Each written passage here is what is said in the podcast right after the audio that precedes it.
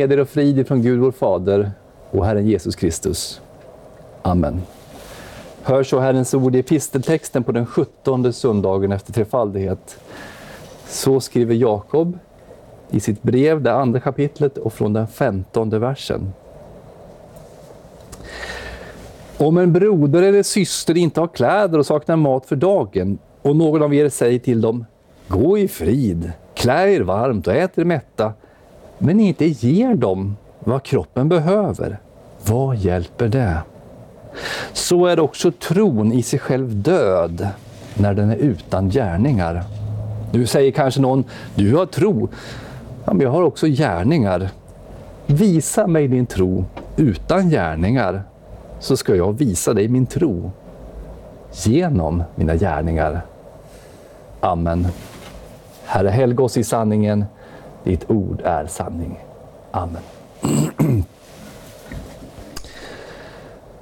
Kära bröder och systrar. Jag har ofta i mina predikningar framhållit att kristendomen i första hand inte är en livsstil, ett sätt att leva, en uppsättning principer som man ska fullgöra. Och det är helt sant. Man blir inte kristen för att man gör en massa saker. Det är inte så att Gud ser ut över en skara människor och som en skollärare godkänner alla som kommer över ett visst medelbetyg.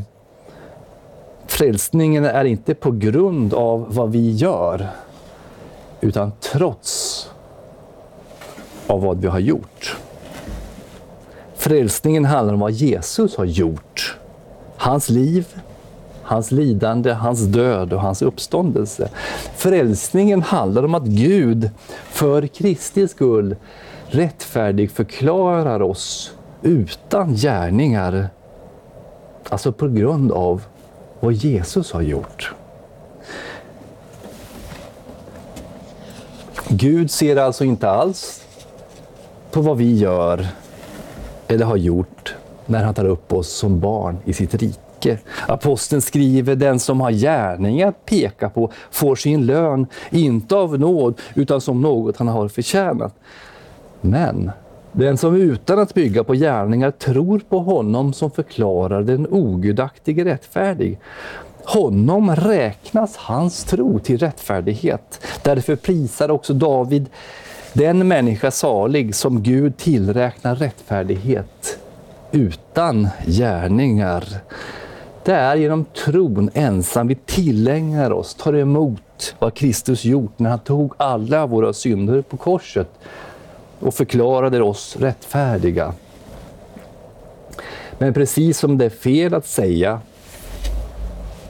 att man blir frälst genom sina gärningar eller genom sin tro plus sina gärningar. Lika fel är det att säga att detta att vara kristen, det är att ha vissa åsikter. Att ha en intellektuell förståelse av vissa sanningar eller att med sin mun uttrycka en kristen tro. Det är lika fel det. När vi säger att människan blir frälst genom tron ensam, så betyder det inte att man bara lär sig att upprepa vissa stavelser, att läsa med i trosbekännelsen eller förstå Bibeln med, med sitt förstånd. Om det skulle vara så, om det skulle vara så, då skulle ju inte tron beskrivas som en omvändelse, som en sinnesändring, som att födas på nytt eller som att dö och uppstå.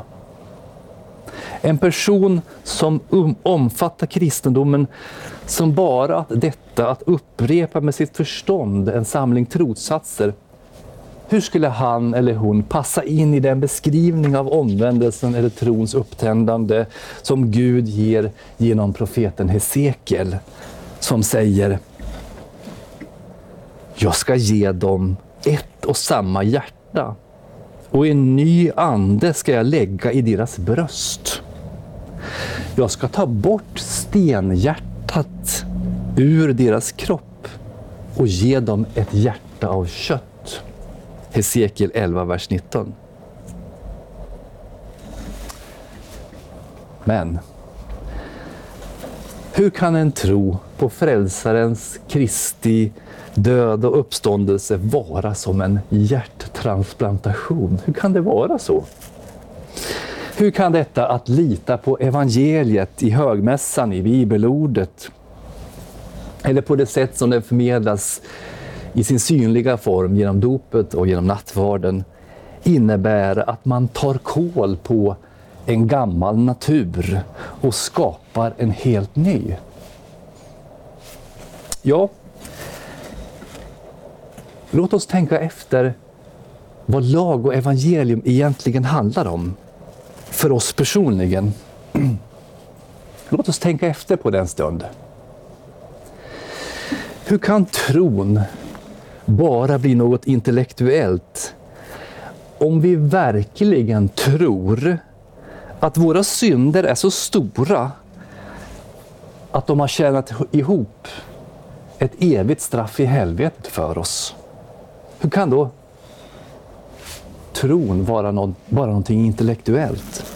Om vi med våra hjärtan begrundar att vi har skapats av Gud och till honom, men att vi genom att inte älska våra medmänniskor och Gud har brutit mot Guds lag, så borde det göra ont i våra samveten.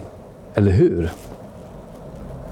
Och om det gör ont i hjärtat, att vi har kränkt vår skapare och vår medmänniska, vad händer då med oss när vi hör och tror att Gud trots detta inte bara älskar oss, utan också av evighet har stigit ner, tagit mänskligt kött på sig, blivit människa, uppfyllt den lag som vi alla skulle ha varit skyldiga att uppfylla och straffats för alla våra brott genom att naglas fast vid ett kors.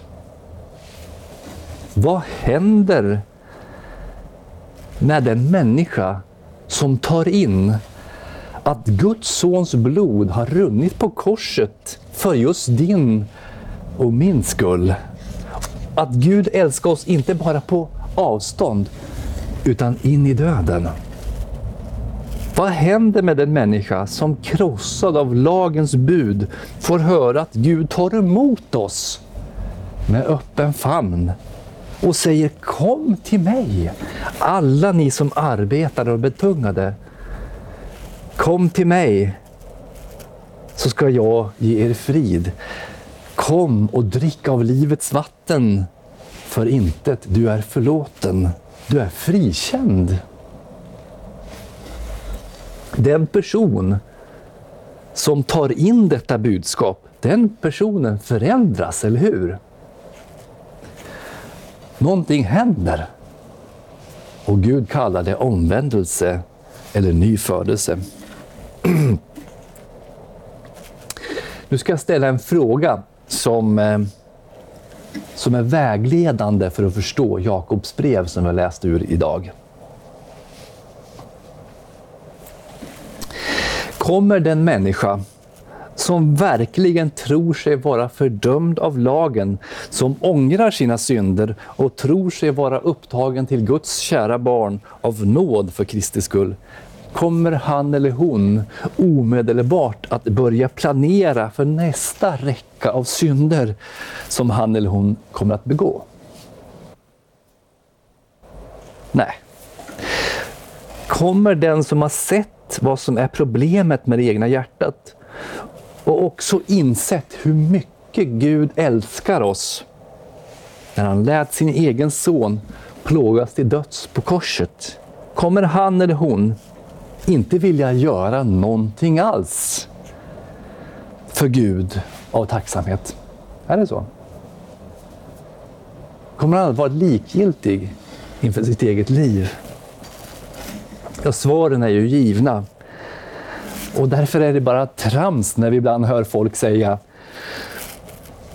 Ni som predikar så mycket om nåd, om frälsningen av nåd av Lena genom tron ni skapar ju bara lata kristna, eller kristna som är kötsliga, som, som tror att de kan synda hur mycket som helst. För Minns ni frågorna vi ställde nu?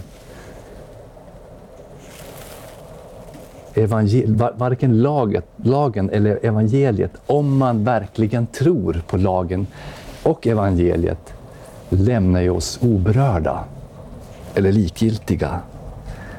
Vi uppfylls först av skräck och förskräckelse över våra synder och sen uppfylls vi av glädje när vi inser att vi är förlåtna för Kristi skull. Det är inte så att evangeliet skapar likgiltiga kristna människor. Det är tvärtom. Det är bara evangeliet som kan förändra en människa. Och evangeliet gör det verkligen. Och vi ser ju det faktiskt här runt omkring oss. Eller hur? Kristna människor som har fått ett nytt ljus i ansiktet troende människor som, som gör saker utan att bli tillsagda. Som förlåter och som älskar utan att vänta sig någonting tillbaka. Precis som Jesus gjorde. Vi ser ju det runt omkring oss, ibland oss. Ser vi inte motsatsen också? Jo, tyvärr gör vi det också. Och det var därför som Jakob skrev sitt brev. Han hade rest runt i församlingarna och han hade sett att det var någonting som inte stämde hos vissa av dessa som skulle vara kristna och troende. Och han låter dem själva få fundera på varför det kunde vara så. Varför är det så? Och det kommer vi att få svar på i dagens text. Jakob skriver om en broder eller syster inte har kläder och saknar mat för dagen. Och om någon av er säger till dem, gå i frid, klä er varmt och ät er mätta, men inte ger dem vad kroppen behöver, vad hjälper det? Så är också tron i sig själv död, när den är utan gärningar. Nu säger någon kanske, du har tro. Ja, men jag har också gärningar. Visa mig din tro utan gärningar, så ska jag visa dig min tro genom mina gärningar, skriver alltså Jakob i det andra kapitlet och från vers 15 till 18. Jakob är väldigt tydlig med att förklara skillnaden mellan tro och icke-tro. Och han gör det genom att exemplifiera sin grundtanke. Ja, om vi har tro, vad, är, vad betyder det då egentligen?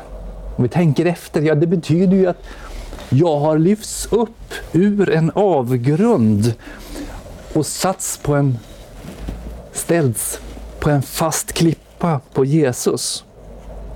Och om vi verkligen tror det, då måste det innebära någonting för våra liv, eller hur? Tron förändrar en människa, skriver Luther i sitt romarbrevsförtal. Han, han säger så här. Tron är Guds verk i oss, vilket förvandlar oss och föder oss på nytt av Gud och dödar den gamle Adam, gör oss till helt andra människor i hjärtat hjärta, håg, sinne och alla krafter och för den helige Ande med sig. Ja, tron är ett levande, ivrigt, verksamt, mäktigt ting så att det är omöjligt att den inte oavlåtligt skulle verka vad som är gott. När därför några i de församlingar som Jakob skriver till trodde att det räckte med en bekännelse i ord fast handlingen vittnar emot. Då utmanar han dem till att visa att det de bar i sina hjärtan verkligen var tro. Visa mig din tro utan gärningar, så ska jag visa dig min tro genom mina gärningar. De människor Jakob talar om, vad är det för människor egentligen? Ja, det är ju inte uppenbart elaka eller onda människor. Deras hälsning till dessa klädlösa och hungriga är Gå i frid, klä er varmt och ät er mätta. Och det låter ju väldigt välmenande. Gå i frid, det var ju en, en vanlig judisk hälsning, shalom. Man menade kanske Gud välsigne er. Må han se till att någon ger er, någon ger er mat. Men oviljan att själv göra sin plikt visade vad då? Jo, att man saknade tron. Det berättas om hur en, en kristen familj samlades för att be för en, för en granne som var, vars hus hade brunnit upp. Man samlades alltså hemma för att man be för den här grannen. Hans hus hade, hade brunnit ner helt enkelt. Brunnit ner eller brunnit upp. Och medan man bad för den här grannens behov så reste sig den minste sonen och gick ut i köket. Och pappan han hörde hur det, hur det skramlade där ute. Och när han hade sagt sitt amen så gick han ut i köket och frågade sonen vad han gjorde. Pojken han, han hade packat konserver i en plastkasse. Han tittade upp och så sa han Pappa, är det inte vi som ska vara svaret på våra böner? Alltså, att ta kallelsen personligt. Jesus berättar i Matteus 25 hur de rättfärdiga på den yttersta dagen frågar honom, Herre, när såg vi dig hungrig och gav dig att äta, eller törstig och gav dig att dricka? Och när såg vi dig vara främling och tog emot dig, eller naken och klädde dig? Och när såg vi dig sjuk eller i fängelse och kom till dig? Då skall konungen svara dem, Amen säger er, allt vad ni har gjort för en av dessa mina minsta bröder, det har ni gjort mot mig. Jakob skriver om en broder eller syster inte har kläder och saknar mat för dagen. Och någon av er säger till dem, gå i frid, klä er varmt och ät er mätta, men inte ger dem vad kroppen behöver. Vad hjälper det? Så är också tron i sig själv död, när den är utan gärningar. Nu säger kanske någon, du har tro. Ja, men jag har också gärningar. Visa mig din tro utan gärningar så ska jag visa dig min tro genom mina gärningar. Om man ska kolla om en människa lever, vad gör man då? Det ligger en människa på backen och så ska man kolla om han lever. Ni kanske har gått sådana här ABC-kurs, eller vad det heter. Nu är, nu är det alla möjliga stavelser. Jo, man känner efter puls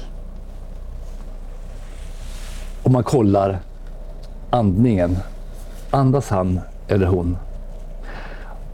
Om han andas, om hjärtat slår, så är han levande. Om inte, så kanske han är död.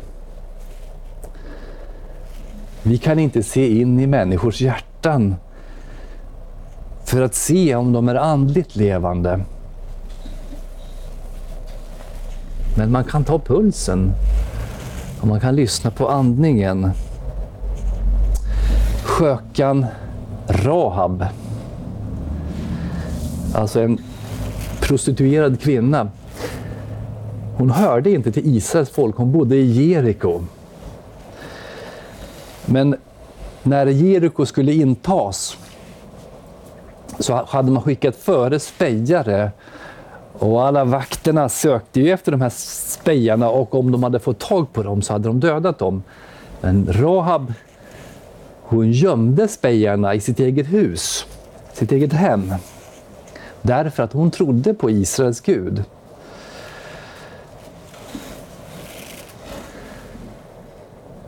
Hon var en syndare, men hon var frälst av nåd genom tron, utan gärningar. Gud hade förklarat henne rättfärdig genom tron.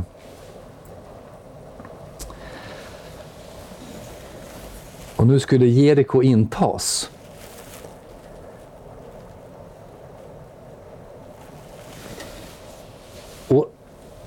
Hennes tro, hennes rättfärdiggörelse inför Gud, den kunde man inte se. Och därför behövde hon förklaras rättfärdig inför människor. Och hur förklarades hon rättfärdig inför människor? Hur visste man att hon hörde till, egentligen till Israels folk som ett eh, andligt barn? Jo, det var ju hennes handlingar. Att hon hade skyddat Guds folk. Och så hängde hon ut ett rött snöre för fönstret. Så när Israel intog Jeriko så visste man att det huset ska vi skona. Där bor ett Guds barn. Genom sina gärningar visade hon att hon hörde till Guds folket. De som Jakob tilltalar hade inga röda snören, hade ingen andning och ingen puls. Om bekännelsen i handling talar emot bekännelsen i ord, då väger bekännelsen i handling tyngre. Man kunde inte se Abrahams tro med sina gärningar. Gud såg hans tro. Men när vi ser hur han handlar, hur han, hur han agerar, då förstår vi att Abraham var en troende. Gud talade till Abraham och han lyssnade och han trodde så att han bröt upp från Ur. Och han var till och med villig att offra sin egen son. Och på så vis så ser vi Abrahams tro i handling. I sin bergspredikan säger Jesus till sina lärjungar, låt ert ljus lysa inför människorna så att de ser era goda gärningar och prisar er fader som är i himmelen. Han säger också, ni är världens ljus, inte kan en stad dölja som ligger på ett berg. Vad som gäller inför människor sammanfattar aposteln Jakob i dessa ord. Ni märker alltså att en människa erkänns som rättfärdig det vill säga som kristen inför människor genom sina gärningar och inte bara genom sin tro. Det betyder inte att vi blir frälsta genom våra gärningar eller på grund av vår lydnad. Men det betyder att tron inte kan isoleras ifrån handlingarna. Tron tar sig uttryck i handlingar och samma tanke som Jakob tar, tar upp, den tar också Johannes upp i sitt brev, i det första brevet. Han skriver, genom att han, alltså Jesus, gav sitt liv för oss har vi lärt känna kärleken. Så är också vi skyldiga att ge våra liv för bröderna. Om någon har denna världens tillgångar och ser sin broder lida nöd men stänger sitt hjärta för honom, hur kan då Guds kärlek förbli honom? Kära barn, låt oss älska, inte med ord eller fraser, utan i handling och sanning. Det finns ingen motsättning mellan Jakob och Paulus. Frågan är inte i Jakobs brev kan man bli frälst genom tron? Det är inte hans fråga. Utan Jakobs fråga är, hur ser den tro ut som frälsar? Vi blir inte frälsta genom gärningar, men den tro som frälsar har alltid gärningar med sig den är levande och aktiv. Aposteln skriver, ty av nåden är ni frälsta genom tron och det är inte av er själva. Guds gåva är det, inte på, på grund av gärningar för att ingen skall kunna berömma sig. Ty hans verk är vi, skapade i Kristus Jesus till goda gärningar som Gud har förberett så att vi ska vandra i dem. Jesus säger, förbli i mig så förblir jag i er. Liksom grenen inte kan bära frukt av sig själv, utan endast om den förblir i vinstocken, så kan heller inte ni det, om ni inte förblir i mig. Jag är vinstocken, ni är grenarna. Om någon förblir i mig och jag i honom bär han rik frukt. Ty utan mig kan ni ingenting göra. Svaret på varför det kan finnas dålig frukt också i kristna sammanhang, det är dels att det kan handla om en kristendom som bara är kristendom till namnet. Men dels kan det också handla om en sann tro men som brottas med mycket svaghet. För till och med aposteln Paulus var ju tvungen att erkänna att han inte var riktigt nöjd med sin helgelse. Och vi kan ju inte avfärda människor som kristna för att man har svaghet. I, svaghet. Men om en person försvarar synd, olydnad, allt som Gud förbjuder i sitt ord, då måste vi avfärda den personen som en kristen. Tron utan gärningar är död.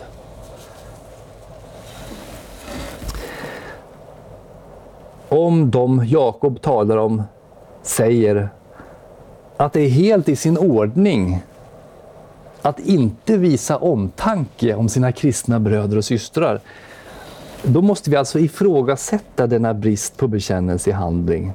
Men om det är så att man erkänner att man har gjort fel och ångrar sig, då består omvändelsen i att vända sig till Kristus för att genom honom ta emot nåd och förlåtelse. Och Jesus lovar att om vi förblir i honom, då kommer också våra liv att förändras. Jag är vinstocken, ni är grenarna. Om någon förblir i mig och jag i honom bär han rik frukt. Ty utan mig kan ni ingenting göra. Amen.